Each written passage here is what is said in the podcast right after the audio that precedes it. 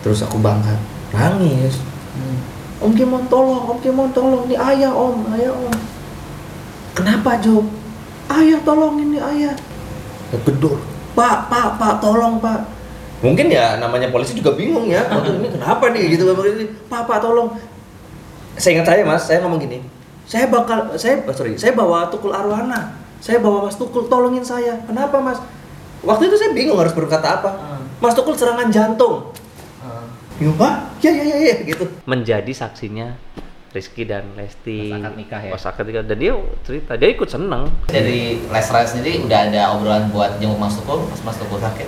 Iya, eh, mungkin kalau itu sih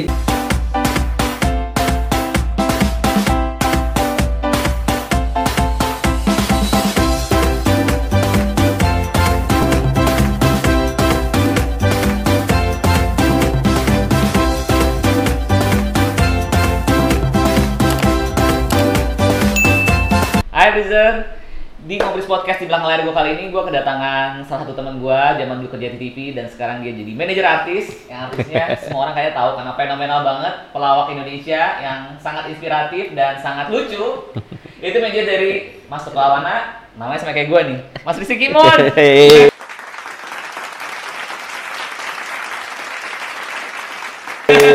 halo Mas Rizky juga. Thank you loh Mas Kimon udah mampir di podcast di belakang layar gue. siap mas.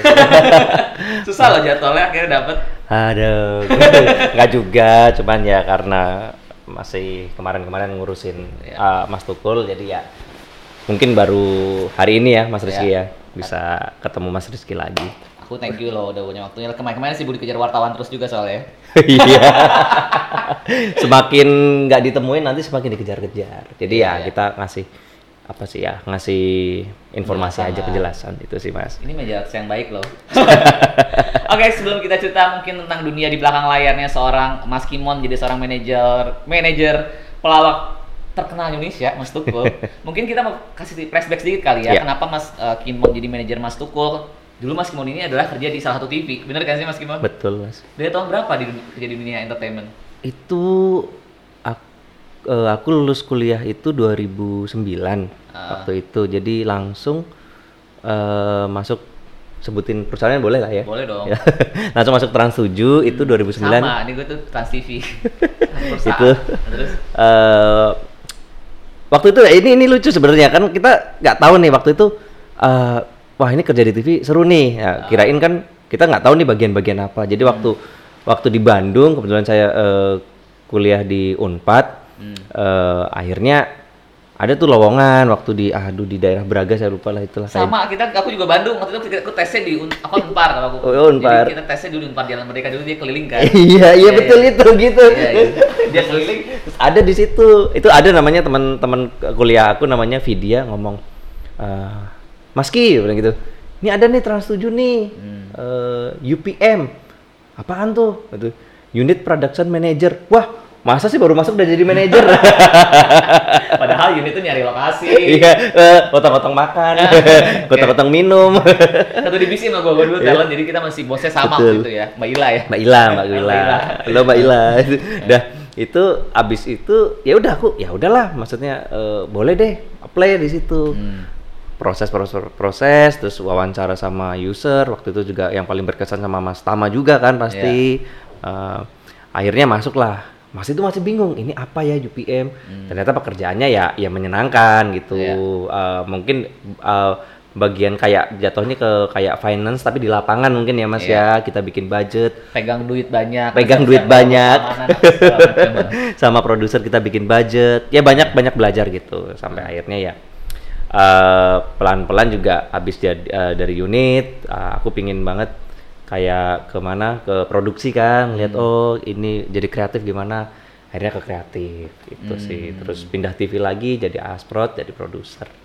Oh Gitu terakhir sih. jadi di TV kerja sebagai produser ya? Produser, Nah terus betul. gimana ceritanya? Akhirnya kok jadi menjadi seorang manajer Mas Tukul Arwana? Ini mungkin karena setahu gua dulu zaman gua kerja di TV Mas Tukul dipegang sama Mas Teguh kan Mas Teguh Mas lama Ganang tuh. ya Nah, gitu nah, tiba-tiba pas kemarin kita ketemu pas talent satu talent gue uh, syuting di ingin buat mata lah ini bukan anak trans pegang Mas Tukul Iya. gimana awal ceritanya Mas Kimon? awal ceritanya. Jadi kalau kenal sama Mas Tukul itu kan ya siapa yang kenal sama beliau ya, cuman Iya. dalam arti kenal deket itu sudah pas jadi unit, pas Oke. jadi kreatif di Trans 7 juga sudah Sorry, waktu itu kreatif dan setuju kreatifnya bukan empat mata, bukan? eh sempat megang eh, bukan empat mata itu eh, eh, apa bukan empat mata ya ini bukan empat mata terus stasiun- lupa. iya. kan sempat Oh, empat mata dulu empat ya? mata eh, empat mata jadi unitnya waktu empat Ah. mata terus ada sedikit masalah jadi ini baru empat mata kan Iya. ini baru empat mata itu udah jadi kreatifnya Oh, gitu jadi sama produser itu si Mas Anto kan diajarin lah sama beliau terus ya intinya kan udah kenal udah udah udah lama nih sama sama sama Mas Tukul. Terus bikin program baru lagi di waktu itu di GTV kebetulan Oke. aku eh, produser di GTV kan. Iya. terus bikin program seribu tanya namanya aku inget tuh. Terus udah gitu memang cuman 33 episode selesai. Nah pas banget nih pas hari ulang tahun beliau. Jadi kita bikin program bareng di GTV waktu itu sama Mas Tukul Eh, aku lupa di tahun berapa 2018 kalau nggak salah. Itu bikin program kebetulan aku produsernya bikin program namanya Seribu Tanya. Eh, di situ selesai 33 episode eh, ada momen di mana ya itu pas ulang tahunnya beliau tanggal 16 Oktober aku tuh lupa-lupa ingat. Pas siang kayak loh ini ada yang ulang tahun kayaknya tapi eh kebetulan eh, notifikasi Facebook ya Oh iya. keluar kayak keluar gua ting ini iya, ini, ini iya, ulang tahun. foto gitu. kenangan atau Oh, apa kenangan, ah, iya, foto iya, kenangan oh, iya, gitu iya. wah lo oh mas Tukul ulang tahun waktu itu ya aku buru-buru waktu itu uh, Hmm. tel uh, telepon beliau diangkat terus mas selamat ulang tahun ya wah mon suwun ya mon Hmm. bilang kayak gitu "Eh, ya ke sini toh oh iya mas nanti sorean ya ya tak tunggu ya ya terus aku uh, ngomong sama teman-teman uh, PA untuk uh, hari ini ada uh, preview apa enggak review sebentar terus aku ke rumah Mas Tukul waktu itu Hmm. sambil bawain makanan kesukaan dia Apa Mas makan kesukaan Mas Tukul? ayam goreng kampung berkah Oke. Ramai banget ayam goreng. ayam, Berkah. ayam berkah itu itu kesenangannya beliau Oke. aku bawa waktu itu inget aku tuh beli dua ekor Hmm. sama pete kesukaannya dia Hmm. sama lalapan. Saya bawa tuh ke rumahnya Mas Tukul ngobrol eh pertama nggak ke rumah Mas Tukul aku kan gimana ya Mas itu kan hari ulang tahunnya ya kirain ada apa perayaan atau apa Ada gitu ya kirim bunga-bunga atau kue atau apa di rumahnya Iya. kan kayak gitu teman-teman artis. tapi saat itu yang aku lihat sepi Mas Oh ya? aku sepi terus ya mungkin sepinya itu karena kan mungkin putra putrinya kan kayak Mas Ega sudah bertugas di Surabaya Oke. Uh, kakak Vita uh, kuliah kan di Surabaya. Di Surabaya juga terus mungkin anaknya waktu itu lagi les. Oh, oke. Jovan ya gitu. Jadi memang sepi rumah itu. Ya aku jawab aku aku tanya maksudnya Mas kok sepi? Beliau cuma jawab ya gini lah mon hidup. Hmm. kadang rame kadang sepi. Ya sudah. Wis mon nikmati aja Eh, udah mon nikmatin aja lah gitu. Jadi dia ngomong gitu. Ya mungkin aku nggak mau banyak ngomong gimana gimana ya udah kita menikmati makanan makan makan makan. Selesai makan baru beliau kayak ah tiba-tiba ngomong mon ya kenapa kamu nggak megang aku aja Hmm. yang eh, aku masih makan dikit sih terus agak agak freeze mas aku mas. Hmm? itu agak nge-freeze gitu agak agak eh, ya kaget aja waktu dia ngomong kayak gitu. Oh oh gitu mas ya kan saya masih kerja mas waktu itu kan masih masih di di TV kan waktu itu masih kerja. Ya ya nanti ya nanti deh mas. Gampang saya pik, eh, kita pik, eh, saya pikirin lah ya gitu. Oh iya mon. Nyantai mon udah gitu. Udah udah pamit pulang. Dua hari kemudian aku datang lagi kan di di telepon beliau. Ya sini mon ngobrol-ngobrol mon. Tak tak eh, kupasin mangga. Dia seneng banget mangga mas Oke. itu.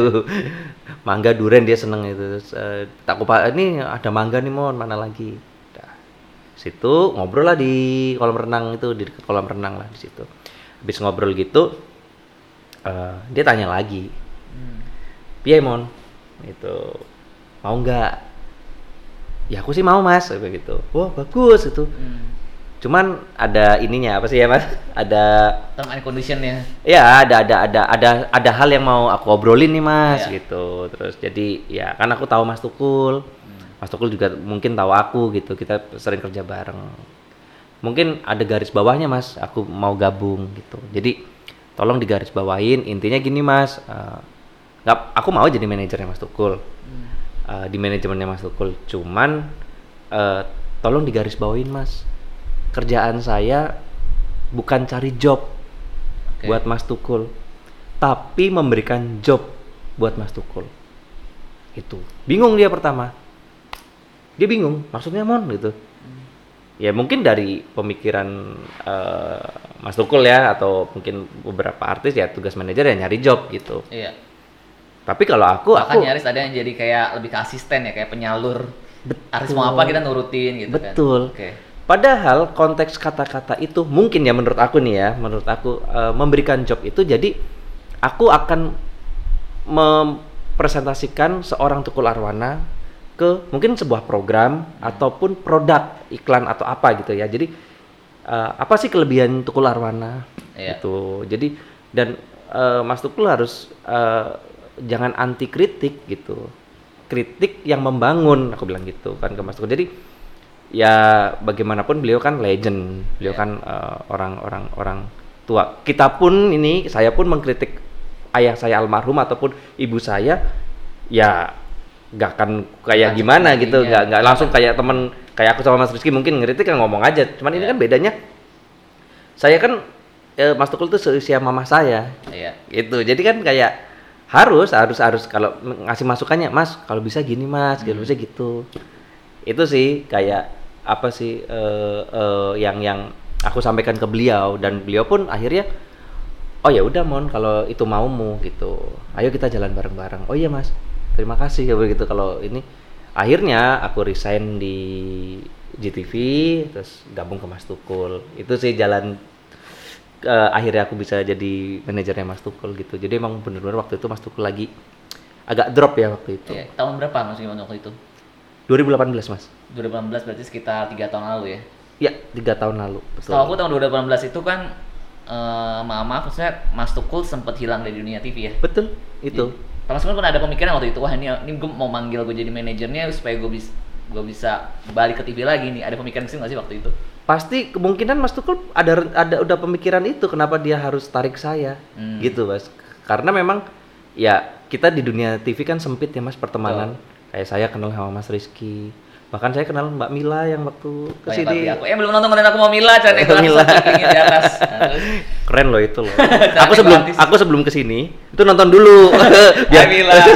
biar kita wah pertanyaannya apa nih? Gitu. Ternyata asik menyenangkan. Tuh. jadi waktu itu Sempat menghilang di dunia Iya, ya. Kan? aku kan mungkin Mas Mas Tukul eh, punya pemikiran kalau Kimon nih pasti mungkin temennya dan punya basic ini ini mungkin ya Iya. mungkin itu. Terus akhirnya dia panggil panggil aku itu Ah. intinya memang waktu itu memang lagi lumayan hilang dari peredaran mungkin ya Iya. Mas ya. karena memang setelah empat mata bungkus ini eh, ini empat mata bungkus terus nggak lama kan Mas Tukul muncul lagi di eh, interview TV, ya? Kompas TV interview interview with Tukul Arwana Itu benar nggak katanya harganya turun drastis di Kompas TV dari harga bukan empat mata? Kalau yang di Kompas TV aku kurang tahu. Nah, oke. Cuman Ini kan biar diklat. eh, eh, Saya gitu. manajer langsung. Iya, jadi waktu di ini baru empat mata. Karena aku udah pegang. Oh iya iya iya. Iya. Ini. Kebetulan kan aku set- setidaknya aku dulu waktu di empat mata memang bukan produser tapi kreatif tapi kan kita kan tahu, lah selentingan Iya. Gua aja tahu. Padahal kita trans TV dia trans 7 harga Mas Tukul berapa? eh, eh, itu ya turun drastis. Oke. Tapi saya pakai eh, bilang sama Mas Tukul, ini ada ya mem- memang kondisi gini Mas, mungkin kondisi eh, pertelevisian saat itu Hmm. mau nggak mau kan lagi ya nggak lagi nggak mungkin nggak kayak dulu lagi ya Mas ya. Langsung udah banyak lagi ke digital kan pembagiannya. Betul, Oke. betul. Jadi kalau kita kekeh dengan segitu ya ya akan susah untuk bersaing sama yang lain-lain gitu loh, Mas. Dan berarti aku juga memberikan pengertian ke Mas Tukul tuh ya pokoknya Mas yang penting kita on air. Iya. Kita geber digital. Digital tuh kayak ada eh, YouTube apa eh, apa sih TikTok, Instagram yang tadinya beliau nggak punya Instagram. Nanti apa sih impactnya? Impactnya itu nanti dari endorse, iklan dan lain-lain. Nanti impact ke atas lagi apa? Off air mas. Hmm. Biar aku saya bilang sama mas biar meledak lagi off airnya mas kayak dulu aku bilang kayak gitu Tukul itu dulu Mas Tukul itu harga offernya harga tertinggi artis termahal Indonesia deh kalau nggak salah ya. waktu aku kreatif sih denger-denger segitu Iya kan, nyampe di yang boleh sebenarnya. boleh boleh mas kan itu dulu Iya dulu kan sempat kalau nggak salah dia sampai di angka 150 juta sekali offer betul itu bener. betul 100 sampai 150 Iya kan, temen aku pakai waktu di acara eh, apalah gitu kan, cuma sejam terus 150 aku dulu zaman tahun 2000 kita anak kita anak kampung yang yang tahun 2007 2008 2009 TV dengan 150 juta langsung ah. Iya. Sekarang tapi mungkin mas, kalau offer masih tetap ya masih oke ya. kalau off air sih eh, sebelum memang beliau kolaps ya sakit itu ya masih oke. Tapi ya tidak segitu juga mas. Ya, sudah harus melakukan penyesuaian oke. Nggak Itu. mau apa kalau nggak segini gua nggak mau nggak kayak gitu. enggak enggak kebetulan waktu aku pegang ya kita eh, kita kan harus tahu pasar ya mas ya kita Iya. harus tahu pasar kita harus tahu eh, harus tahu eh, situasi Iya. Ya, kita nggak bisa kaku kita nggak bisa apa ya namanya kekeh akhirnya ya kita tetap ya yang namanya sama teman-teman IO atau teman-teman acara sama instansi instansi itu ya ya udah kita pokoknya menyesuaikan aja tapi kita punya rate terbawah gitu Oke. punya rate terbawah Pokoknya paling murah kalau nggak kalau segini kalau yang di, bawah itu kita enggak lah ya gitu ya. bisa iya bisa nggak mas Tergantung pertemanan juga mungkin betul ya. kalau yang undang misalnya nih aku deket nih sama Mas Rizky nih Eh, ini udah saya kasih harga rate bawah Oke. tiba-tiba Mas Rizky kayak kita Mas Rizky punya hubungan em- eh, emosional sama aku Hmm. Mas Rizky punya hubungan emosional sama Mas Tukul Ah. itu kayak ya Udah ya, udahlah ya udah Iya. itu sama Rizky kan Iya. dulu anak ini ya ya udah akhirnya ya udahlah nggak apa-apa jalan itulah hebatnya beliau jadi beliau nggak nggak nggak kokoh banget harus maaf nih kalau nggak sekian puluh juta nggak mau gitu enggak Oke. tapi tetap ya udah kita kita eh, situasional aja Oke. gitu cuman kalau nggak ada kedekatan apa ya bisa aja nggak gitu Tapi gini Mas Kimon, Mas Kimon sebagai manajer artis nih eh, gimana caranya bisa mem- membuat maksudnya seorang Mas Tukul kalau aku bilang lumayan berhasil Mas, Mas Kimon untuk memanajemen itu kan sempat hilang Iya. dari dunia TV Iya. dan muncul lagi dan, dan apalagi sekarang dapat brand ambassador ya. Iya. Brand ambassador Shopee. Shopee COD ya gimana sih caranya Mas pasti kan ini punya strategi-strategi sendiri yang mungkin bisa di-share sama teman-teman aku untuk podcast belakang layar gitu jadi balik lagi mas yang tadi komitmen berdua dulu Oke. kita harus satu frekuensi nih untuk ke Hmm. depan Mas Tukul jangan Mas Tukul maunya ke sana saya maunya ke sini Satu visi misi Satu visi ya. misi itu. Iya. kayak misalnya contohnya bikin YouTube itu Hmm. Mas Tukul nggak percaya waktu itu sama YouTube Oke. wah buat apa tapi saya bilang saya bilang ke Mas Tukul Mas YouTube itu kayak perpustakaan digital Setuju. Iya. suatu saat anak cucu Mas Tukul bisa ngelihat Iya.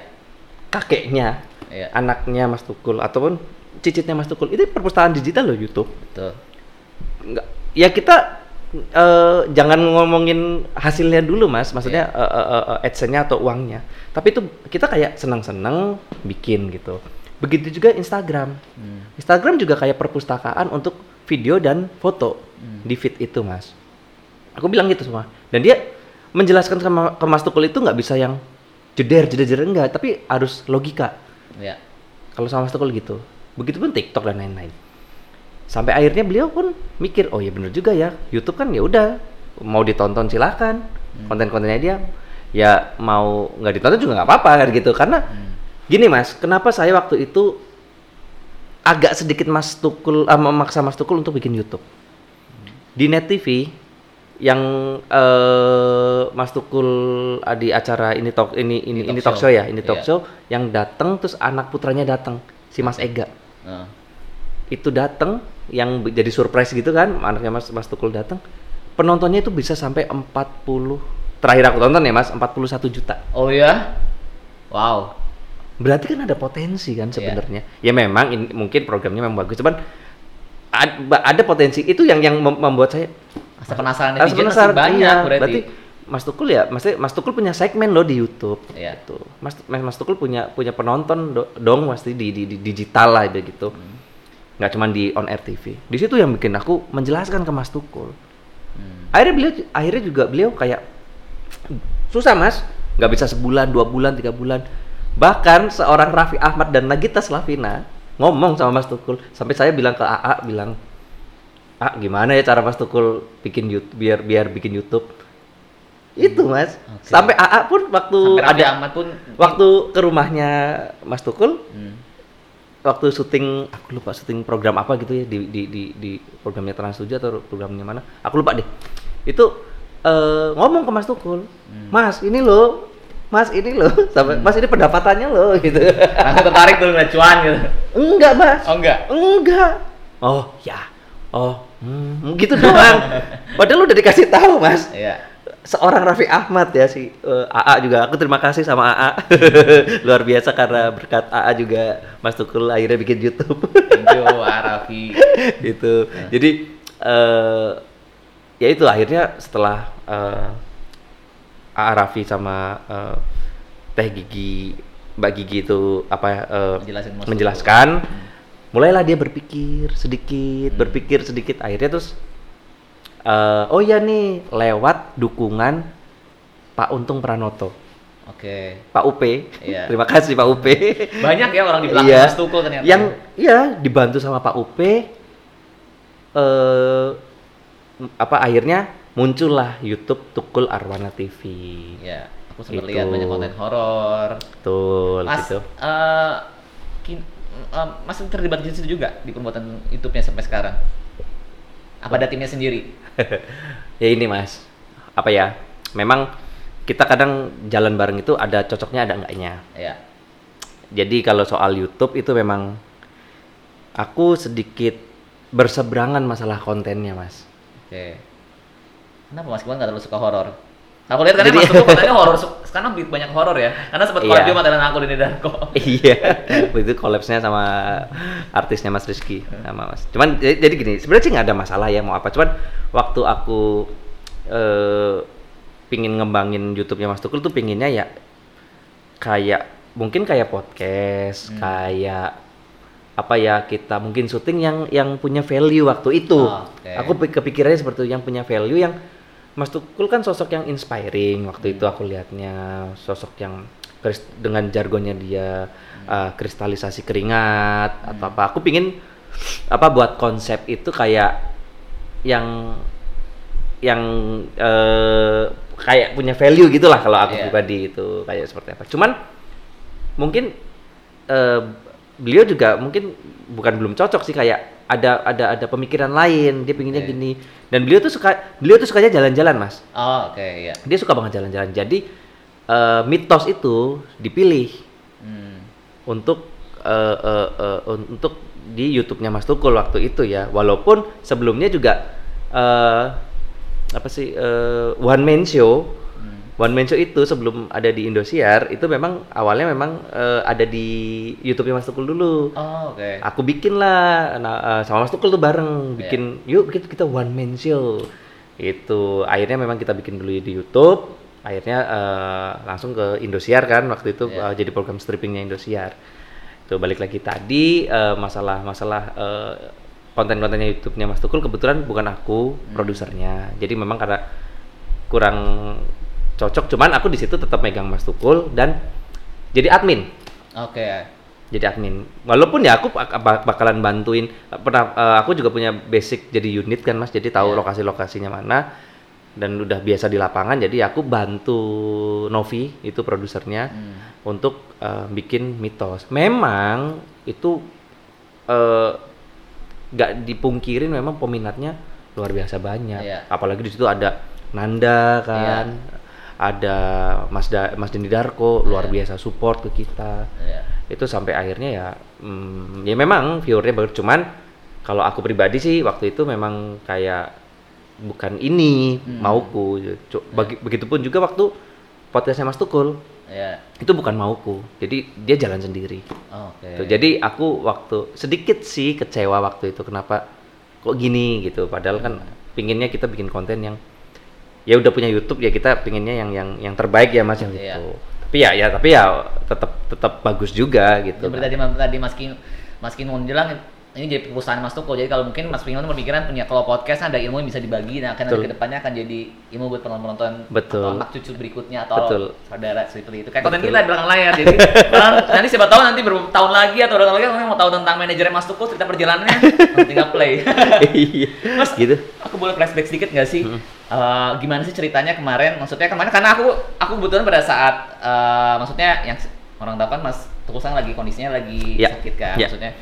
Eh kebetulan tuh talent aku lagi jadi bakal mau baru di calling buat 4 episode rencana di one man show waktu itu kan Iya, buat eh, drama eh, dari dapur tiba-tiba Hamin satu eh Hamin dua atau Yudit telepon aku Mas Tukulnya sakit jadi cancel Hah, sakit apa aku pikir kan sakitnya mungkin aku pikir sakit, sakit yang biasa atau Iya. gimana mungkin usaha udah sembuh ternyata Hmm. Lumayan Lumayan, gitu kan. lumayan. Gimana sih maksudnya? Bukan lumayan lagi, eh, parah memang. lumayan pak ya gimana maksudnya ada gejala kah atau memang sama Mas Kimon pegang tuh sempat emang punya peristiwa apa. Penyakit eh, riwayat penyakit atau gimana Iya, mungkin pertama dulu mas, Hmm. Eh, Mas Rizky, Mas Tukul itu hmm, jarang banget medical check. oh oke Mas Tukul eh, jarang medical check.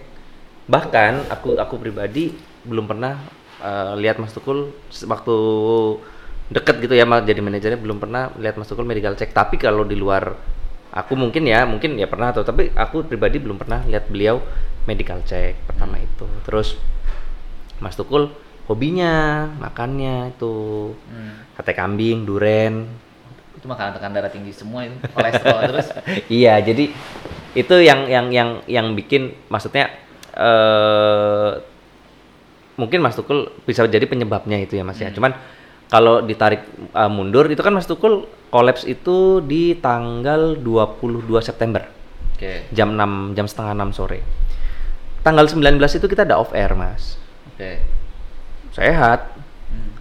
ada nih videonya nanti saya kasih lagi Oh, iya, lagi boleh. nyanyi Kita lihat ya. lagi nyanyi gitu Mas Tukul lagi nyanyi masih masih masih Video- sehat gitu terakhir dia job sebelum sakit ya Ya, itu Ya. ada. Terus tanggal terus itu itu off air tanggal 19, tanggal 20 emang saya offin. Oke Harus istirahat. Tuh. Tanggal 21 Oh enggak, tanggal 21 sorry, tanggal 21 tuh ada on air ini eh Bayangkara. Hmm. Acara Bayangkara di Indosiar. Hmm. Tuh, di situ memang dia waktu waktu tanggal 21 itu dia ngeluh pusing. Aduh, apa ya kalau bahasa Jawanya beliau ngomong ke saya gitu. Mon, ngeluh apa ndasku mu- ngeluh mon gitu. Ah, mon eh, kepalaku agak ngeluh itu apa ya pegel mungkin ya. Hmm. Ya udah Mas istirahat Mas habis ini Mas. Tuh, kan besok libur. Tanggal 22 itu libur Mas. Terus abis itu tanggal 22 pagi yaudah biasa dia kan saya ngekos di kosannya Mas Tukul oh di daerah yang Cipete ya iya seperti biasa beliau itu sukanya bawa buat saya. Kalau nggak nasi uduk isinya tempe sama tahu memang sukanya beliau. Sambel. Kalau enggak eh lontong sayur sama Oke. telur bulat. Iya. itu kan santan nih Mas. Mas Tuku Mas Tuku langsung yang nganter? Mas Tukul beli naik motornya. Terus ke saya kayak "Pak, eh, kalau di kosan ada yang jaga namanya Samsuri. Kata "Eh, Pak Samsuri ya Kimon udah bangun belum? Masih gitu. Terus "Pak, Pak, Pak, belum bos. Terus gitu.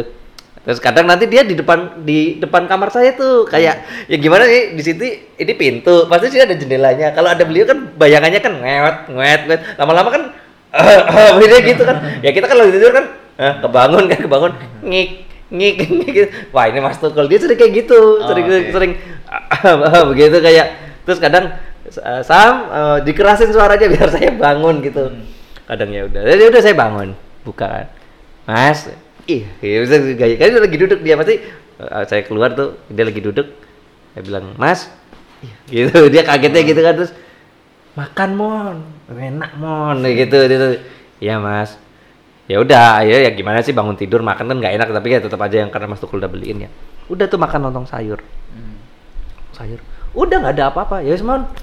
Gampang ya istirahat mon kan sekarang libur. Itu paginya. Sorenya beliau kelihatannya ke kosan juga. Waktu itu karena libur kan saya kan ya udah nonton Netflix nonton ini terus tidur kayak gitu kan udah. Pokoknya me time lah. Gitu. terus abis itu tidur aku mas. Hmm. tidur eh jam setengah enam lebih eh setengah enam itu tiba-tiba Jovan eh, putranya Mas Tukul yang paling kecil yang nomor tiga nelpon pertama nggak keangkat yang kedua terus aku bangkat. Nangis. Hmm. Om Kimon tolong Om Kimon tolong ini ayah Om ayah Om. Kenapa Jo ayah tolong ini ayah. Iya iya iya iya iya iya." terus gitu kan. Akhirnya eh aku bilang kenapa ya Eh, eh, karena jarak kosannya Mas Tukul ke rumahnya Mas Tukul itu ya kalau naik motor sekitar motor ngebut ya Mas ya. Ngebut parah itu ya itu lima menit. Oke. Kalau santai 10 menit gitu. Ngebut parah ya kita ngobang naik motor udah nggak punya aturan mungkin ya jatuhnya itu lima menit. Nah itu waktu itu Jo Jo eh antar ayah ke rumah sakit terdekat. Aku bilang gitu. Hmm. akhirnya mungkin diantar sama Vita sama kakak. Jalan dulu ke rumah sakit. Aku sampai rumah aku bilang sama Mas Didit Mas eh sorry bukan Mas Didit Eh, ada Pak Demeti waktu itu. Neng di bose aku bilang gitu kan. Rumah sakit mon nah, rumah sakit terdekat itu adalah Berwijaya waktu itu udah memang waktu itu adalah eh, indikasi dokter adalah serangan stroke Hmm. itu serangan stroke akhirnya dirujuklah kita ke eh, rumah sakit Pon Hmm. nah rumah sakit Pon terus akhirnya saya take over mobil kan Hmm. sa Vita eh biar Om Kimon yang bawa jadi memang perjalanan dari rumah sakit terdekat dari rumah Mas Tukul ke rumah sakit Pon waktu itu saya naik mobil gimana caranya? Waktu itu kan saya buka wes mas. Hmm. saya buka wes wah 45 menit waktu itu kan. Hmm. akhirnya ya udah. Kalau saya dalam, dalam nama Yesus ya mas ya, saya Hmm. ya udahlah bisa lah saya bilang gitu. Akhirnya ya memang gimana sih? Keadaan Jakarta jam 6 sampai jam 8 malam. Malam itu lagi indah-indahnya Ah. sebenarnya. Apalagi daerah Poncawang ya. Wah Dari itu tendean. Cawang, oke. kebayang nggak mas lewat Wijaya? Nah, lewat tendean. Aduh. Masuk tol ke arah Cawang jam-jam segitu. Dan pakai mobil pribadi bukan mobil ambulans ya? Ya pakai mobil pribadi. Akhirnya terus ya saat itu keadaan gimana ya? Saya matiin audio eh, mobil radio saya matiin Vita saya tenangin tenang dah jangan nangis. Belakang Mas Toro sama Mas Didit Mas eh, Mas Toro Mas Didit berdoa. Hmm. Bismillah saya bilang gitu. Ya Mas doa ya. Udah saya tapi herannya Mas saat itu gimana sih kalau kita naik mobil seradak seruduk pasti kan dikelaksonin ya? Iya. Nggak tahu antara saya lupa atau gimana tapi waktu saya saat saat saat saat, saat, saat itu nggak ada yang laksonin mas. Kasih kasih tanda ini nggak? Lampu atau apa di hazard? Enggak. Hazard. karena saya takutnya nanti jadi bingung. Oh iya. Jadi tetap ke kanan ke kiri ke kanan ke kiri gitu. Nggak ada Pakai- pengawalan atau apa nggak ada. Nah ini. Saya juga terima kasih nih sama bapak-bapak eh, bapak Polri yang mungkin aku lupa namanya. Hmm. aku nggak tahu namanya aku nggak tahu itu. Cuman waktu itu memang beliau jadi ini mas. Setelah melewati tendian itu kan masuk pintu tol tendian. Mm-mm. Mau ke arah pon. Dan puji Tuhannya adalah di depan itu ada mobil PJR oke. Di situ. Saya berhenti saya saya di depannya saya turun. Hmm. saya gedor tuh mobil PJR saya gedor. Pak pak pak tolong pak. Mungkin ya namanya polisi juga bingung ya. Waktu ini kenapa nih gitu pak pak tolong. Saya ingat saya mas saya ngomong gini. Saya bakal saya oh, sorry saya bawa tukul arwana saya bawa mas tukul tolongin saya kenapa mas waktu itu saya bingung harus berkata apa Hmm. mas tukul serangan jantung Hmm. dong polisinya Bingung, hah ya ya ya ya gitu sempat ngintip dulu nggak ke mobil enggak langsung aja Iya, langsung aja terus habis itu, oh iya Mas ikutin saya. Tuh. Ya Pak, makasih Pak. Yang tadinya harusnya 35 menit ditempuh 5 menit, Mas. itu gimana ngebutnya Itu, di itu- saat jam segitu yang itu macet Bener-bener puji Tuhan. Oke. Itu maksudnya saya kok apa ya? eh ya saya berterima kasih sekali lagi untuk eh, bapak-bapak polisi. namanya nggak inget ya Nggak namanya nggak ingat, Iya. tapi saya mungkin masih nyimpan fotonya ya gitu. Terus Hmm. karena saya sempat waktu itu saya Pak terima kasih gini-gini saya saya saya Pak boleh nggak saya foto tuh Bapak saya saya berdua saya foto cuman saya lupa masih nyimpan apa enggak Hmm. jadi juga terima kasih lah Si- siapa pun bapak-bapaknya itu saya terima Bapak kasih banyak. men- menyelamatkan nyawa menyelamatkan. Seorang Mas Tukul Arwana. Iya kita juga biasa. ter- terima kasih terima kasih banget. Mungkin ya mungkin nanti Tuhan yang membalas Balas. kebaikan bapak ya. Jadi setelah itu Hmm. masuk rumah sakit udah. Ada maksudnya masuk IGD waktu rumah sakit PON Cawang terus ya udah observasi observasi. Dilakukanlah operasi sekitar jam 21.30 memang waktu itu Mas Tukul eh, serangan stroke disertai pendarahan otak sebanyak 85 cc. Segini lah mas. Oke. itu. Jadi dilakukan operasi. Itu memang agak fatal sih memang. Tapi sebelum penyakit yang lumayan fatal ini sebelum Mas memegang Mas Tukul punya ada penyakit yang gimana gimana? nah seorang Tukul Arwana dia jarang banget mengeluh sakit itu yang saya kenal beliau ya iya.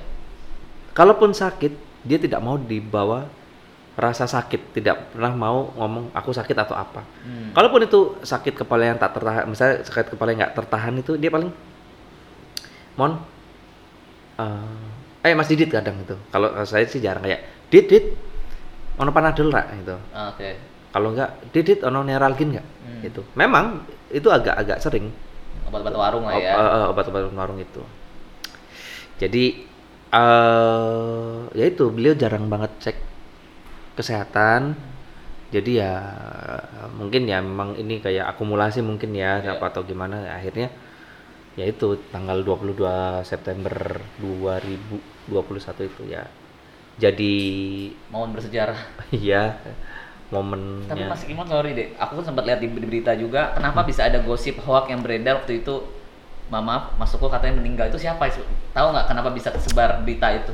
Jujur aja mas, berita hoax itu waktu berita Mas Tukul meninggal itu malah aku taunya dari wartawan loh mas. Hmm, nggak sempet lah yang lihat TikTok atau aku lihatnya di TikTok. Iya. Ah, Dan foto-foto yang beredar itu juga aku bingung. Itu foto yang beredar itu, aku tahu itu siapa. Itu Mas Polo. Waktu Oh, beliau lagi sakit kena apa eh, paru-paru mungkin ya. ah. Karena aku lihat apa dari eh, ventilator ya namanya yang di sini yang di Iya, gitu ya, hidung nggak itu? yang yang di hidung, yang di bukan sorry, yang di mulut tuh. Ah, Oke. itu ventilator atau apa namanya itu dan Mas Tukul kebetulan karena kenapa aku aku aku aku tahu itu bukan Mas Tukul karena eh, pasca operasi hari hari paginya itu sudah cepat ventilator Oke. jadi Mas Tukul udah udah udah baik-baik aja tidak tidak harus dibantu pakai itu jadi waktu berita hoax itu aku juga yang hah masa sih mas? Eh, dari rekan-rekan wartawan yang WhatsApp aku nelpon apa bener Mas Tukul meninggal? Lah enggak nih ya saya lagi di ICU gitu lagi nemenin beliau beliau itu cuman waktu itu ya ya sedih sih mas Iya. gitu. Cuman tapi eh, hebatnya putra putrinya Mas Tukul kayak Mas Ega, eh, Vita dan Jovan itu ya mereka kayak udah om cuekin aja. Hmm. eh, kita doain aja yang bikin itu dikasih kesehatan Iya. itu Nah, biasanya Ya. berita hoax itu justru jadi bikin dia panjang umur ya. betul itu jadi kayak udahlah om lah biarin aja nggak usah diurusin kayak Mas Ega juga udahlah Mas Kimon nggak usah diurusin eh, Ya. nggak nggak- penting juga gitu-gitu penting kita fokus untuk kesembuhan ayah itu oke Kondisi sekarang gimana Mas Kimon? untuk saat ini Per hari ini nih, sekarang Per hari ini ya. tanggal berapa tanggal? 20 eh, 18 18 November. 18 itu jadi Mas Tukul ini masih harus fisioterapi secara apa sih intens Iya. itu secara intens terus istirahat secara intens juga gizi jadi itu yang diperlukan Mas Tukul sekarang adalah gizi yang tercukupi Hmm. fisioterapi itu yang memang sekarang yang dibutuhin Mas Tukul dan istirahat yang cukup Semua dilakukan di rumah. semua dilakukan semua ya jadi kayak kemarin itu aku sempet kayak eh, kamarnya Mas Tukul aku sulap jadi kayak eh, rumah apa kayak speknya kayak rumah sakit gitu Oh, Oke. kita juga ada eh, ada perawatnya juga yang 24 jam nunggu Mas Tukul standby berapa orang? Standby orang. Oke. terus eh, apa eh, instalasi gitu sebutinnya apa ya pokoknya alat-alatnya udah ada semua di situ Hmm. termogan terus apa sih alkohol yang apa hand sanitizer ataupun apa itu yang jadi apa yang ada di dalam ruangan VVIP rumah sakit PON itu aku Ada ini semua di kamar Mas Tukul sekarang. aku ini cuman ya tapi kan nggak yang harus apa buat ini karena kan udah simple sekarang ya contohnya kayak apa sih eh, bed yang elektrik itu Iya. terus bed yang sakit itu terus juga apa apa, apa infus yang buat Iya. tampilan infus terus eh, apa sih eh, tensi Iya. itu terus ya alat-alat yang buat menunjang mas Tukul fisioterapi itu sih mas untuk per hari ini memang eh, puji Tuhan semakin membaik mas Tukul Udah bisa bicara? kalau bicara memang agak sulit mas Iya. karena kata dokter memang karena yang kena kiri ya jadi memang ada apa sih saraf buat komunikasinya agak ini tapi tidak dipungkiri juga pasti bisa bisa bisa bisa bisa pulih gitu Iya. untuk hari ini per hari ini kemarin eh, perawatnya bilang sudah bisa ngomong A, Oh, B, aja. C gitu, udah sedikit-sedikit bisa. Terus untuk eh, kekuatan beliau buat jalan, eh sorry bukan jalan, berdiri. Kalau dulu kan bener-bener yang kita harus apa sih Papah. papah bener-bener kan. Iya. Kalau sekarang dia punya semangat buat berdiri. Uh, luar biasa. Jadi lucu kemarin kemarin sore itu lucu. Hmm. Jadi waktu dia belajar berdiri, dia itu kalau sama saya tuh gitu mas. Kadang belajar diri. Kayak kadang gini, ayo, eh, kita pakai bahasa, pakai bahasa Jawa ya mas, kayak gitu. Ayo, ayo sinau ngatek yo gitu. Eh, ayo, ayo belajar belajar berdiri yo gitu. Dia ketawa gitu, ketawa itu terus. Habis itu udah dia berdiri, set. Pas adep-adepan gitu, mas ngadep depan mas terus biasa saya iya gitu dia ketawa gitu bener-bener malah kadang perawatnya Mas Kimon jangan diganggu biar untuk konsentrasi. Ya itu aku akunya akunya nyingkir. Jadi dia kalau nggak tahu tuh kayak geli sendiri gitu. Iya. terus terkadang aku pun menghibur beliau tuh kayak masuk kamar gitu mas. Hmm. kadang saya pakai kacamata gitu. Selamat pagi Pak Tukul. Gitu terus saya bawa ini apa sih stetoskop. Eh, ala dokter lah ya. ya, bapak makannya gimana? Dia ketawa gitu kayak dia ketawa-ketawa itu, itu. Bapak, eh, ya, bapak makan yang banyak ya, ya, ya. Terus udah gitu, jadi kayak udah saya bikin-bikin sketsa sketsa ya buat menghibur dia biar lebih semangat gitu. Iya, apalagi sekarang untuk orang terdekat yang saat ini mungkin lebih ke Mas Kimon ya, karena orang anaknya semua pada jauh juga kan. Kalau anaknya yang kecil ya. enggak eh, kakak Vita ada di rumah. Oh, di sini. Jadi memang sekarang yang merawat full itu juga kakak juga. Oh, oke. Kakak Vita, Jovan itu nungguin Iya, Jovan, "Ah, ayah eh, ayah makan, jadi nungguin masuk makan. Kalau Mas Ega seminggu sekali pulang. Oh, oke. seminggu sekali pulang untuk menengok ayah jadi ah, men- menengok, menengok Mas Tukul karena beliau kan masih tugas di Surabaya Oh iya. dan eh, istri dan anak-anaknya juga di Surabaya Mas Oh, Mas Ega oke. itu jadi bener-bener ya support dukungan keluarga memang itu paling utama ya Mas ya kalau Iya. kata dokter tuh ikhtiar Iya, setuju. harus ikhtiar jadi kayak penunjang berikutnya adalah gizi fisioterapi memang itu di, di dibalikin sama Mas Tukulnya ayo Mas punya semangat semangat untuk hidup buat untuk sehat. untuk hidup untuk sehat untuk sembuh gue bilang Iya. gitu Teman-teman Gitu artis siapa aja yang udah datang? teman-teman artis kemarin kan? iya yang yang udah datang pertama Pak Detarsan Oh, Pak Darsan ya. ya Pak Detarsan dan luar biasa supportnya Pak Detarsan terima kasih Hmm. Bikin Mas Tukul semangat dan bantuan-bantuannya juga eh, ke Pak Detarsan yang kedua Tevega Hmm. itu yang untuk artis ya mas ya Hmm. memang gini mungkin aku ingin sedikit menjelaskan bukan berarti yang oh, artis-artis la- lain kok belum atau nggak boleh atau bagaimana gitu Hmm. sebenarnya kita nggak pilih-pilih cuman gini eh pinginnya dari keluarga kan memang mas Tukul kan istirahatnya nggak terganggu Hmm. gitu jadi kita hanya menyempatkan satu hari satu Oh, oke. misalkan ah, hari ini misalkan Mas Rizky Iya. datang sama Mas Denny Darko misalkan itu ya udah hari itu udah Oh. sedangkan temennya Mas Tukul kan banyak Oh. Mas nggak cuma dari kalangan artis Iya. dari ja- da- dari ja- jarak seminggu itu Tiap hari ada kunjungan. kalau misalkan kita buka ya setiap hari ada kunjungan Iya. bahkan setiap jam gitu Oke. karena temannya Mas Tukul nggak cuma artis Iya. TNI Polri kejaksaan Iya. pemerintahan kementerian Iya. itu kan banyak belum saudara-saudaranya mas Iya. belum tetangga-tetangganya yang pengen jenguk karena kita mengikuti prokes kita mengikuti protokol kesehatan yang disarankan oleh dokter waktu itu eh, dokter Arif juga dokter bedahnya eh sorry dokter sarafnya Mas Tukul yang di rumah sakit Pon ya memang kan kondisi Mas Tukul masih lemah ya Mas ya Iya. jadi memang eh, kita benar-benar mengikuti prokes. Kayak misalkan nengok Mas Tukul itu kalau bisa eh, itu ya kita minta swab eh, antigen dulu kalau enggak PCR lah. Ya minimal antigen kan gitu. Buat buat apa sih? Ya buat sama-sama me- me- ini me- menjaga kesehatan lah buat Iya. buat Mas apalagi Mas Tukul yang lagi lemah. Walaupun memang di rumah kita eh, siapin swab antigen kalaupun Ah. Eh, belum nggak sempet nggak sempet ke mana ke antigen di rumah kita siapin gitu Oh, jadi sebelum masuk di antigen dulu ya. betul Sama seperti gitu. kita kita udah PCR dua, jadi kita Udah. aman. udah aman sehat sudah vaksin Mas Kimon kemarin di One Man Show kan eh, sempat viral pada saat ngundang Leslar, pasangan Leslar kan Oh, pertama iya. kali ya, di acara. Mas Tukul. betul Sampai akhirnya yang aku dengar eh, Mas Tukul jadi diminta buat jadi saksi pernikahan Saksi. Leslar. Ah, ah. Kamu tahu nggak sih ceritanya sebagai manajer Mas Tukul? Iya, jadi jadi eh waktu program One Man Show kan di Indosiar itu dipertemukan antara eh eh, Rizky, Rizky Bilar sama Lesti, ya. Pertama kali dan mereka Iya. belum kenal sama sekali saat itu. Iya, kan. terus Mas Tukul juga waktu itu juga mungkin nggak tahu juga ya, ya taunya ya Rizky, Rizky Bilar ya Lesti gitu. Maksudnya tahu mungkin deket sih, tahu mungkin nggak sampai. Mas Tukul sempat ngomong sama aku, wah bisa jadi seviral ini ya Mon ya. Hmm. Ya Mas kita juga nggak tahu Mas, hmm, iya. Terus kan mulai dari program itu terus langsung booming ya Mas ya Iya. hubungannya Pacaran mereka iya Rizky, Rizky sama Lesti itu kan terus tiba-tiba langsung meled- meledak kan apa Iya. beritanya apa terus apa meledak juga apa sih apa eh, apa sih trendingnya eh, trend- di YouTube. trend- Namanya aku undang sempat manajernya Lesti, Kang Rivi dia cerita, dia bilang Lesti aja nggak tahu siapa Rizky Bilar. Bilar pun tahu Lesti penyanyi, jadi kenalnya pada saat di acara One Man Show, acara Iya. Mas Tukul justru. Justru Mas Tukul juga tidak pernah mengira se- sampai se- sebesar itu dan puji Tuhannya sampai eh, Rizky dan eh, Lesti menikah gitu Iya. loh. Terus sampai sebelum eh, eh, eh, beliau apa, apa se- sebelum si Rizky sama Lesti menikah kan diundang lagi nih. Hmm.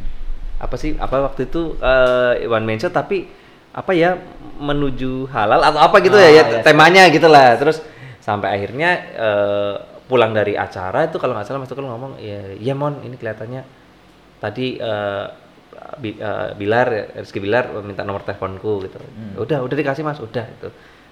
Ya kita nggak tahu waktu itu apa apa maksudnya gitu ya tapi setelah nggak lama mungkin Rizkinya yang nelfon mungkin ya setauku Mas Mas telepon Mas Tukul mungkin untuk eh, kayak kayak eh, bisa nggak jadi jadi apa namanya kayak saksi gitu.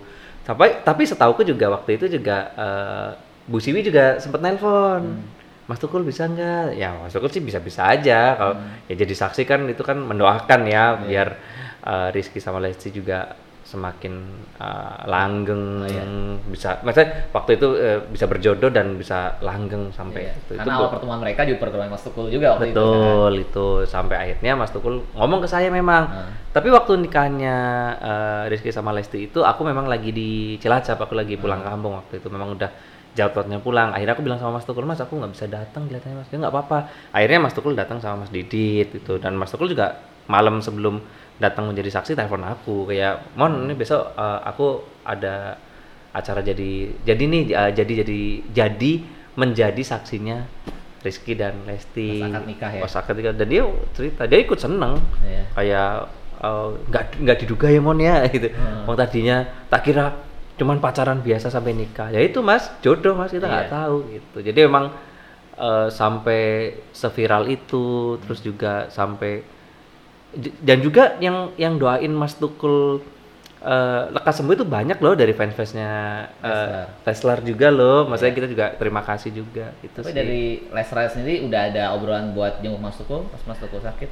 Ya eh, mungkin kalau itu sih belum ya Mas. Jadi kayak misalkan eh, mungkin gini nih, ada WhatsApp mungkin dari manajernya siapa manajer, cuman ke skip Mas. Tumpuk, Aku memang ya. aku memang eh, eh, handphoneku itu yang yang nomorku itu satu itu yang memang buat kantor. Banyak tuh manajer-manajer artis yang eh, eh, coba WhatsApp, tapi saking banyaknya kadang skip Iya. dan mungkin ya eh, eh, eh, mungkin ya mas mem- mem- pernah mau tanya apa eh, kabar mas Tukul itu cuman ke skip gitu jadi aku juga mohon maaf banget nih ke mungkin teman-teman ataupun eh, siapa pun itu yang benar-benar ke skip sampai handphoneku nge- ngehang mas Ngehang. waktu itu memang karena telepon masuk waktu jadi yang perhatian sama Tukul luar biasa banyak ya mungkin sa- salah satunya juga dari dari Rizky sama Lesti juga itu Iya. cuman ya kalaupun nanti mau uh, menjenguk ya pasti uh, aku bakalan apa sih ka- kasih ka- res- eh, di scheduling buat Rizky sama Lesti sih. Tuh. Oke. Nah, mungkin eh, dari sisi manajerial nih eh, Mas Iya. Kimon, kehilangan jobnya berapa banyak kehilangan sama Mas Tukul sekarang kena sakit? Dan gimana cara ngatasinnya? Pasti kan harus menjelaskan kita sebagai manajer artis kan Aduh. mereschedule dan kita juga namanya penyakit kita nggak tahu kapan bisa ya semoga segera sembuh kan, maksudnya kapan bisa sembuhnya. Gimana cara menjelaskan Mas Kimon sebagai manajer?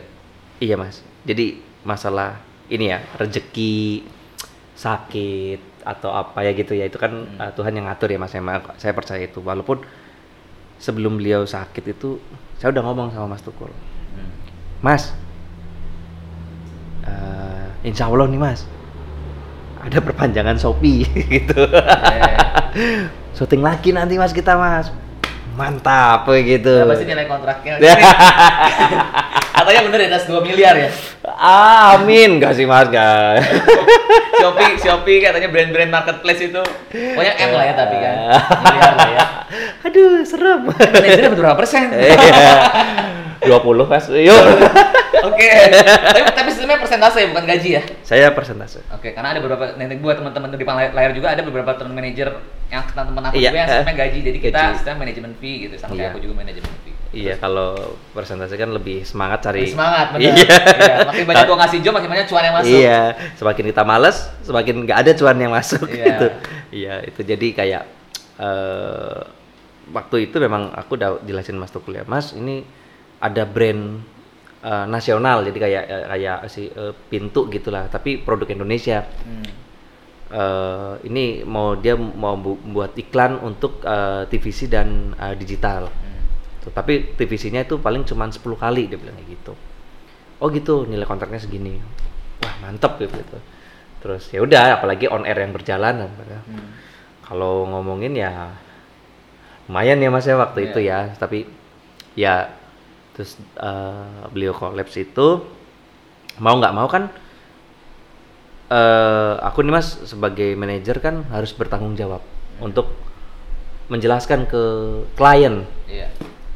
klien-klien klien yang lainnya itu jadi kayak kayak misalkan apa ya ke IO ataupun ke teman-teman TV kan seperti itu kan kita harus melakukan cancellation job Hmm. Sedangkan kalau off air itu kan udah rata-rata udah pada DP tuh mas. Iya. DP DP DP itu sampai akhirnya pun aku ya hari waktu Mas Tukul kolaps tanggal 22 yang ku telepon pertama adalah Mbak Ade. Berarti IP-nya IP-nya One Man Show. Iya. Karena kan besoknya syuting mas Iya. Mas Da- Mas Mas Darko juga Iya, katanya syuting Aku aku mau, mau baru mau dapat reguler loh padahal kita mau episode dulu katanya baru dapat cuan tiba-tiba Hah? sakit. Ya udah gitu kan. aku tahu kok itu diganti Mas Darko gitu Iya. ada Mas Darko masuk gitu kan eh abis itu aku telepon Mbak Ade Mbak eh, besok kelihatannya nggak bisa syuting deh loh kenapa Kimon Mas Tukul sakit sakit apa gua nggak bisa jelasin kan, itu iya. kenapa Kimon kenapa jelasin sakitnya itu posisi saya gemeter Hmm. waktu itu memang yang saya telepon pertama putranya Oke. Mas Ega Iya. selesai Mas Ega saya duduk siapa sih yang harus saya telepon oh yang terdekat ini adalah syuting terdekat ini adalah eh, tanggal 23 itu Mbak Ade yang saya telepon Iya. saya telepon Mbak Ade itu kenapa Mas Tukul serangan stroke disertai pendarahan otak Hmm. ya Tuhan itu akhirnya ya itu ya ma- mau nggak mau kan Mbak Ade pasti kan harus koordinasi ke seluruh tim bahkan ke atasannya juga Iya. ke Bu Maria, ke Bu Siwi dan lain-lain dan luar biasa ya juga perhatian dari Bu Siwi juga luar biasa, Bu Maria juga biasa itu luar biasa itu. Terus eh berikutnya adalah apa nih job yang terdekat? Hmm. Oh, eh ada tuh namanya Pak Ali. Pak Ali itu memang marketingnya dari produk ya, pintu itu yang yang yang yang Mas Tukul mau jadi eh, brand iya. Saya telepon. Padahal tanggal 25 itu mau ketemu. Hmm. Mau ketemu, mau tanda tangan kontrak. Hmm. Karena kita udah deal kontraknya kan, Iya. nilai-nilai kontraknya itu. Saya telepon.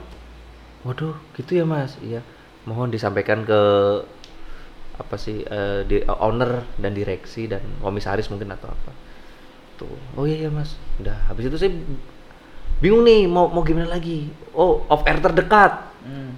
Apa nih off air terdekat? Saya sam- saya bawa handphone tapi bukan handphone yang sering di kantor yang ada not ininya off airnya uh, beliau karena waktu itu buru-buru jadi cuman bawa handphone yang pribadi sih mas Hmm. saya diem ayo udah nanti aja lah udah yang penting ini terdekat dulu sampai akhirnya s- udah eh, mas Tukul udah operasi dan lain saya baru tenang. Ingat jam satu malam lah. Saya kutak-kutik-kutik buat saya buka laptop. Ya saya, saya eh, mau nggak mau aku juga ini apa kayak kayak kayak apa aja nih. Yang ini udah DP berapa dan dan kita balikin 100% DP DP yang udah masuk. DP DP yang sudah masuk. Gitu kita balikin semua. Karena eh ya memang itu for major ya maksudnya Iya. bukan bukan bukan apa memang juga itu tanggung jawab Mas Tukul orang yang bertanggung jawab jadi saya harus meniru beliau jadi ya udah tanggung jawab Iya. saya balikin semuanya terus ya saya melakukan cancellation job sama teman-teman berapa, total berapa banyak job yang di cancel? Nominalnya ke, ke- ini nggak bisa diestimasikan netizen pasti kepo mas. itu kehilangan kehilangan sekian miliar gitu misalnya.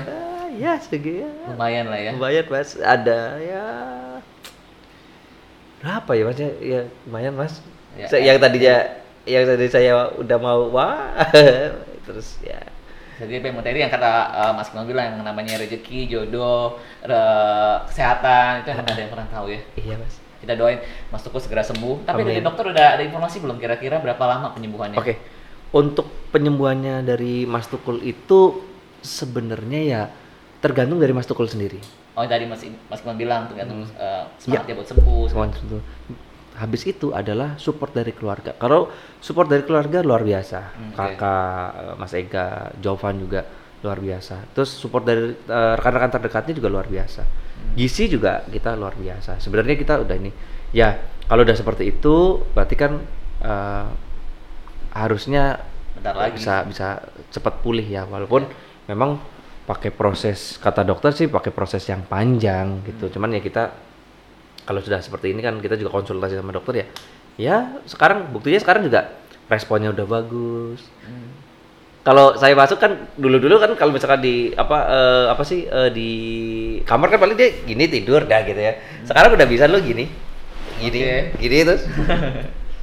Gitu kadang kayak gini.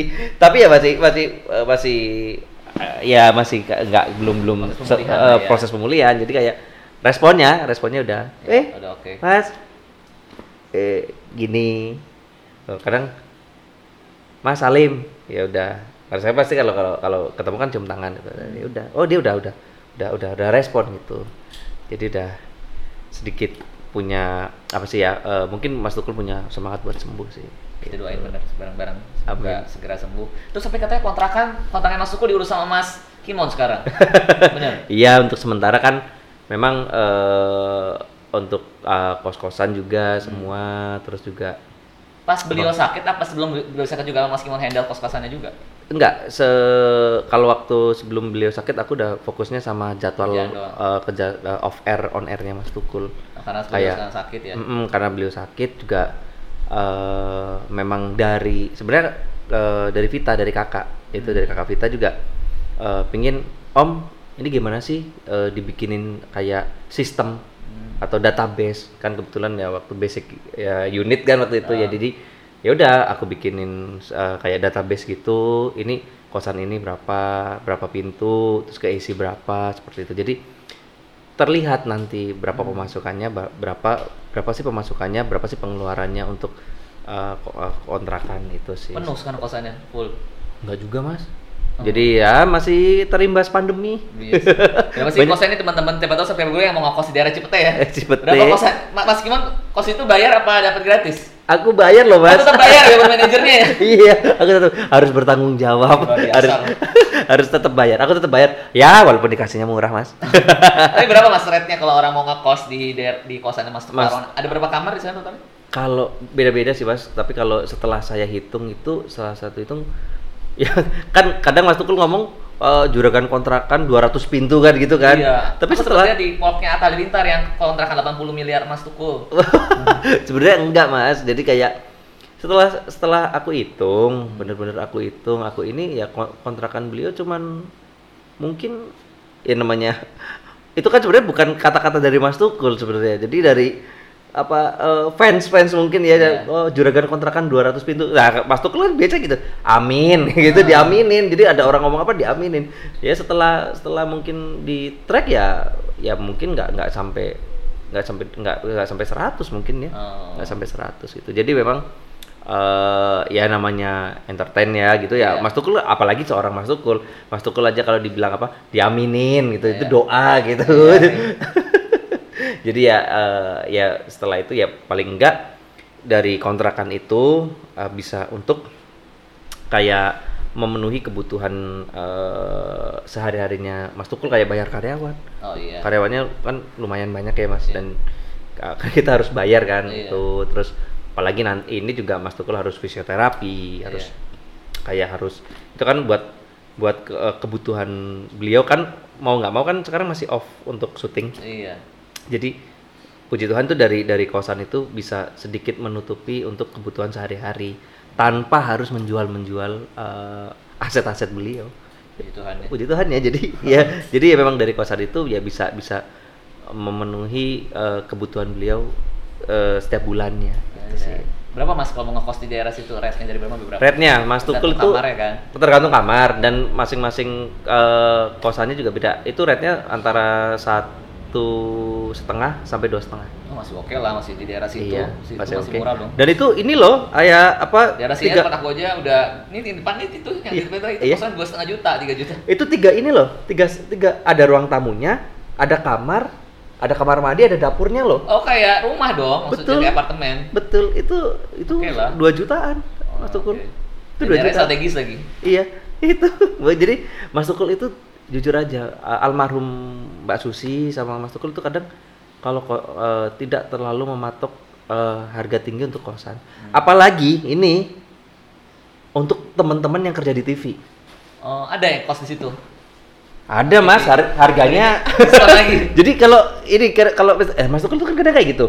Ketemu nih misalkan sama Mas Rizky nih. Heeh. eh mungkin masih masih kerja di Trans TV waktu itu. Heeh. Terus tiba-tiba, "Mas, kosan ada yang kosong nggak?" Heeh. "Oh, kamu mau ngekos?"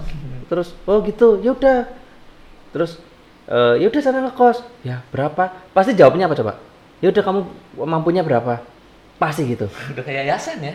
Bener mas, itu seorang Biasa tukul. Iya itu mungkin ya yang nonton ini mungkin bekas yang mungkin yang nonton yang nonton podcastnya Mas Rizky ini eh, ada yang dulu sempat apa ngekos di sana pasti akan ketawa nih karena Ah. Mas Tukul ya ada yang berapa sejuta ya sejuta mas Oke, luar biasa. Eh, Mas berdua boleh nggak satu setengah boleh Oke. kayak gitu jadi terkadang Mas Tukul ya nggak nggak nggak mematok kamu punya uang berapa begitupun juga saya Hmm. Mas, jadi Mas Tukul gini, Mon, kamu, Mbok, kan waktu itu aku kos di Grogol, Hmm. di daerah Tomang kan. Eh, Mon, Mbok kamu ke ini aja, ke mana? Eh, Cipete kosan saya, kosan saya banyak yang kosong kok. Oh gitu, berapa Mas? Ya kamu kuatnya berapa? Aku ya saya nembak aja ya, kuatnya berapa? Kan saya tahu Mas Tukul, sejuta Mas. Ya, Luar biasa loh Mas Tukul.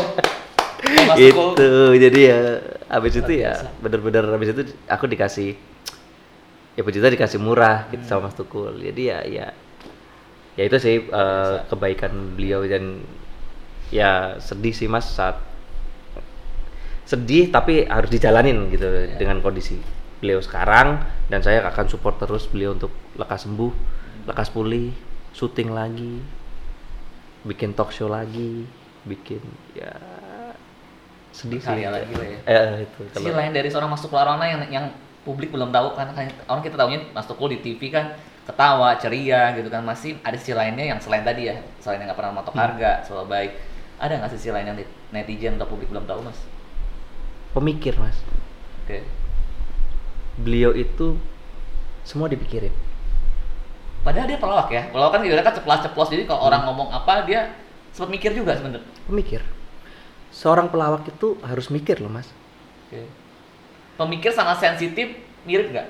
Misalnya kayak, ya, misalnya kayak misalnya, Iya, kayak sensitif ya, pasti, ini? sensitif pasti. Jadi nggak mungkin seorang pelawak hidupnya ngelawak. Iya. Beliau tuh pemikir. Saking ya gitu, mungkin banyak banget yang dipikirkan beliau ya. Kita nggak tahu karena dia, beliau itu gini, mungkin banyak yang orang nggak tahu. Saat beliau diam, itu terkesannya lagi marah mungkin dia jatuhnya. Padahal dia itu diam lagi mikir. Jadi mungkin persepsinya jadi jadi jadi orang tuh juga saya pun kadang lagi ngobrol sama Mas Tukul terus apa saya kira tersinggung atau apa kan eh, aku aku kira tersinggung atau dia diam gitu diam tuh lagi mikir sebenarnya Hmm. dan dia tuh ngomong sama sama sama aku mas Hmm. kayak mon aku diam itu bukan marah loh Hmm. aku diam itu lagi mikir kan ada waktu di mana seseorang tuh butuh diam ya mas ya? Iya. butuh diam untuk berpikir sebenarnya Ini kejadian kalau di aku, aku lagi ini lagi berantem sama orang nih di WA, aku jawabnya lama. Kamu ngebelas-belas, itu aku lagi mikir. betul betul itu jadi memang sis, apa eh, sisi lain yang mungkin nggak tahu itu mas Tukul ya gitu pemikir Hmm. on time mas Iya, aku tahu masalah waktu dia on time banget. iya ya saya juga ikut jadi ikut ikutan Karena aku aku ingat banget Mas Tuko pernah aku undang di acara waktu di Trans TV, dia yang nasihat aku, kamu kalau mau sukses, kamu harus tepat waktu. Aku nggak tahu artis zaman sekarang tuh pada telat. Aku tuh nggak bisa dia, dia sebetulnya kalau itu zaman Iya. masih belum ya emang udah terkenal dari dulu sih Mas Tuko, tapi emang dia orangnya suka nah, Iya. karena menasihati untuk yang baik kan buat Betul. kita kita orang TV. dan itu apa impactnya ke saya loh mas Oke. saya terlambat nggak mas Enggak. Makanya tadi tadi kita jam satu dia jam setengah satu udah dateng loh. itu bedanya bedanya aku sama Mas Tukul Mas Tukul di, di calling jam 1 datang datang di sekitar sini jam 12 dia nggak langsung datang ke sini Hmm. tapi di sekitaran aja Hmm. bedanya kalau aku datang ya Langsung eh, 15 menit paling nggak harus udah sampai sini maksudnya eh, jam satu kurang seperempat udah dan itu dan itu kebawa mas Bagus dong iya. itu kebawa ke ke aku pribadi Hmm. untuk ke depannya itu bener-bener yang Mas Rizky bilang Hmm. pokoknya mau sukses ya itu cuman ada ininya juga nyebelinnya juga mas Hmm, kadang ya gitu dia kan di, di calling jam 1 Hmm. Dia bisa loh datang jam 10 berangkat 10 pagi, pagi. dia di calling jam 1 siang, Siang. Heeh. jam 10 udah berangkat Terus ngapain? ya itu yang bikin saya kesel sebenarnya kayak mas ngapain mas cepet cepet "Ya udah nggak apa-apa udah apa-apa gitu ya nyantai mau jadi di- dia sebelum ke lokasi dia di, di, di, di pinggir-pinggir aja sih lu muter apa Oh. makan apa nyantai duduk-duduk padahal kalau kita toh pun kalau nggak terlambat kan maksudnya dia bisa untuk istirahat gitu loh mas Iya. aku cuman nggak bisa Hmm. beliau jadi terkadang aku protes sama Mas Tukul Mas itu baik tapi nggak jadinya nggak baik Hmm. gitu jadi kayak misalkan ki- kita kan pernah jadi kru ya Mas ya Iya. di calling jam 1 udah datang jam 11 deg-degan nggak Mas Iya. ayo Iya. Eh, gitu, terus gimana apalagi? Mas Tukul Iya. udah kalau pakai kursi tak duduk udah make up udah pakai ini udah duduk Iya. ayo tertekan nggak Mas Kita jadi nggak enak sendiri. Nah iya, Rizky tertekan nggak waktu Iya. Hah, Mas Tukul udah datang ya itu. Terus teman-teman produksinya, kamera apa mungkin eh, produser, Hah, Mas Tukul udah datang. Jadi kebetulan aku pernah jadi kru juga jadi jadi tertekan gitu Iya. ya, Hah, hah, hah, gitu. Jadi kayak aku bilang ke Mas Tukul, Mas ini baik Mas, cuman jadinya nggak terlalu baik loh Mas seperti itu. Iya. Oh gitu mon. Ya beliau ini kayak ya terus akhirnya caranya gimana? Tetap mas. Berangkatnya jam 10 cuman nggak di situ. Muter-muter. Luar biasa loh. Jadi Ini kayak jangan, jangan salah. Eh, Mas Tukul ngomong i diiyain terus datang gitu. Eh, misalnya di calling jam 1 terus datang gitu eh, berangkat gitu jam 12 nggak mungkin. Nggak mungkin tetap jam 10 cuman karena dia ngomong aku ngomong eh, apa aku ngomong ini bisa jadi teman-teman jadi tertekan itu dia tetap orang-orang terdekatnya ayo berangkat jam 10 habis itu dia di, di sekitaran muter-muter. Terus sering gini mon nggak usah dikabarin biarin aja. Nanti kalau udah gini talentnya nih misalnya kayak Mas Rizky Mas Kimon udah di mana? Iya ini udah dekat. Pasti gitu kan? Tahu-tahu Mas udah di calling. Ya udah padahal itu jaraknya cuma 500 meter mas. Nah nanti talentnya loh kok cepat banget? Ya ini nanti oh, aku harus menjelaskan kayak oh iya tadi waktu di WhatsApp udah di sekitar sekitar sini. Oh. itu maksudnya waktu waktu WhatsApp udah perjalanan ke sini udah oh gitu. Iya Mas Kimon makasih. Jadi aku tahu banget ya kalau talent ngundang Mas Tukul udah Nggak mungkin nggak mungkin terlambat. Iya. Aku berarti sama waktu jadi talent ngerasain itu sih Mas Tukul masalah waktu luar biasa on time. itu Pencapaian terbesar sama Mas Kimon jadi manajernya Mas Mas Tukul apa? Sama kurang lebih tiga tahunnya. pencapaian terbesar adalah mengembalikan Mas Tukul ke on air Nah, iya. Karena Mem- itu sempat hilang ya itu ya. ya. mengembalikan Mas Tukul ke on air itu sih yang pencapaian terbesar jadi bagaimanapun beliau stripping lagi Iya. Sempat komplain gak sih dulu kan kalau nggak salah di ini, di ini talk show jadi cuman kayak gimmick-gimmick doang tuh yang bisa Ya. jadi host utama. Mas Tukul komplain nggak? eh Kok aku dikasih coba begini sih Mas Mon gitu atau? waktu itu belum sama aku Oh belum. makanya waktu itu sempet ya aku ya oh kok Mas Tukul masa maksudnya gini, kok Mas Tukul mau ya mungkin atau gimana ya aku nggak tahu. Padahal dulu dia kan ibaratnya punya rumah. Iya. Sekarang dia ngikut di rumah orang kan bahasanya kayak gitu ya dalam arti gitu. Cuman eh waktu itu aku punya punya punya keyakinan nanti Mas Tukul pasti punya program sendiri deh. Percaya deh. Ya itu lewat kedekatan kita sama uh, teman-teman TV, Iya. aku ngobrol, aku ngobrol-ngobrol-ngobrol sama teman-teman Trans 7 waktu itu akhirnya muncullah ini baru empat mata. Itu adalah pencapaian. Habis itu disambut, walaupun itu cuma satu tahun, tapi nggak lama kan kita dapat lagi stripping lagi di uh, one man show di Indosiar dan ya puji Tuhan share ratingnya juga uh, bagus karena kita langsung diupdate terus. Iya. Itu Dan selanjutnya dan selanjutnya brand ambasadornya Shopee dengan salah satunya, Satunya itu adalah besar. Tukul menjadi brand ambasadornya Shopee COD. Wah itu benar-benar yang ini pembelajaran dapat pelajaran luar biasa banget dari seorang Mas Rizky Kimon. iya. Di balik cerita perjuangannya dari seorang TV, katanya mau balik ke TV lagi. Bener nggak? Katanya mau balik ke TV lagi nih. Ya betul mas. Bener. Per 1 Desember. Kenapa gara-gara Mas Tukul sakit apa gimana? Oh enggak, jadi kenapa balik lagi ke TV? Sebenarnya intinya karena gini, aku, aku pernah ngomong sama putra putrinya, sama Vita, sama Mas Ega. Aku bilang gini sih, eh, pokoknya intinya gini, kalau misalkan dunianya eh, Om Kimon, panggil aku Om Kimon, eh, dunia Om Kimon tuh diproduksi, aku bilang gitu. Diproduksi TV lah, bikin program atau apa yang mungkin saat ini pengennya yang punya value kan gitu ya. Yang bisa menginspirasi eh, anak-anak muda dan apa. Itu ada cita-citaku dulu, eh, cita-cita cita-cita lah gitu. Terus eh, akhirnya aku bilang sama eh, Vita sama Mas Ega juga ya dan Mas Ega ya udah nggak apa-apa tapi Om Kimon masih di sini kan? Gitu. Oh masih tetap. Aku bilang eh, Kak eh, Mas Ega Mas Tukul itu udah kayak ayah Hmm. kayak ayah ayahnya Om Kimon gitu itu udah kayak saudara udah kayak kakak udah kayak temen. Hmm. jadi ya sampai kapan pun Om Kimon tetap di sini kalau memang eh, kakak masih eh, Mas Ega masih percaya. Oh iya gitu. Ya sempat waktu itu eh sempat kan loh kok balik ke TV kan gitu kan. Bukan kenapa kan memang setidaknya eh, semua sudah saya bereskan Mas Rizky. Jadi semuanya udah aku bereskan eh terus memang passion kan jatuhnya ke situ ke ke mana ke ke produksi lagi kan walaupun ada yang nawarin untuk megang ini megang itu kelihatannya enggak deh Oke. Jadi jadi TV juga tapi Mas Tukulnya sehat tetap pegang Mas Tukul ya. Mas? eh ya tapi kalau misalkan nanti apa ya sebenarnya udah kalau misalkan aku pribadi ya mas ya kalau eh ini ya pinginnya di di di di fokus di pekerjaan aja deh. Mungkin nanti suatu saat Mas Tukul sehat atau apa ya mungkin akan ada manajer yang aku rekomendasikan untuk megang Mas Tukul. Berarti udah nggak pegang Mas Tukul lagi dong. Eh, memantau mungkin jatuhnya ya Oke. Atau ya mungkin bisa jadi juga nanti uh, resign lagi di TV-nya balik lagi kerja Mas Tukul. Manajer Mas Tukul lagi. Kita nggak ada yang tahu ya.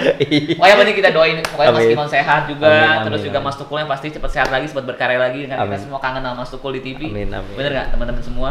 Terus eh Mas Kimon makasih udah ngomong. Wah. Ini bantal pensil kan ini udah mampir di YouTube channel kita podcast belakang layar di Entertainment. terima kasih terima kasih ini pensil filosofinya apa mas Ya jadi karena kita kan ini kalau kita manajer artis sama di belakang itu tanda tangan kontrak. Jadi, Iya, kita betul. inget pensil di tangan iya, tangan. iya, oh filosofinya itu keren Iya, jadi kalau di belakang layar kita dengan oke. bolpen. Wow. Jadi kita kerja di TV juga kan, bolpen harus selalu di sini kan? Oh pasti, kan ada ada ininya. Ada ada ini. Kalau di sini HT. Oh Eh, iya. sorry, sorry, di sini ya. Di iya. Di sini HT sama ada buat ini juga Buat ya, buat bolpen iya. juga. Mas Iya, Kimon iya, sehat ya. Terus buat teman-teman semua jangan lupa untuk subscribe kalian juga collab dong. Eh, tulis di bawah di komen kira-kira besok mau tahu di belakang layar lagi yang kalian mau denger ceritanya siapa, kita nanti undang lagi di podcast belakang layar kita. Makasih. Bye-bye. Bye bye. Thank you.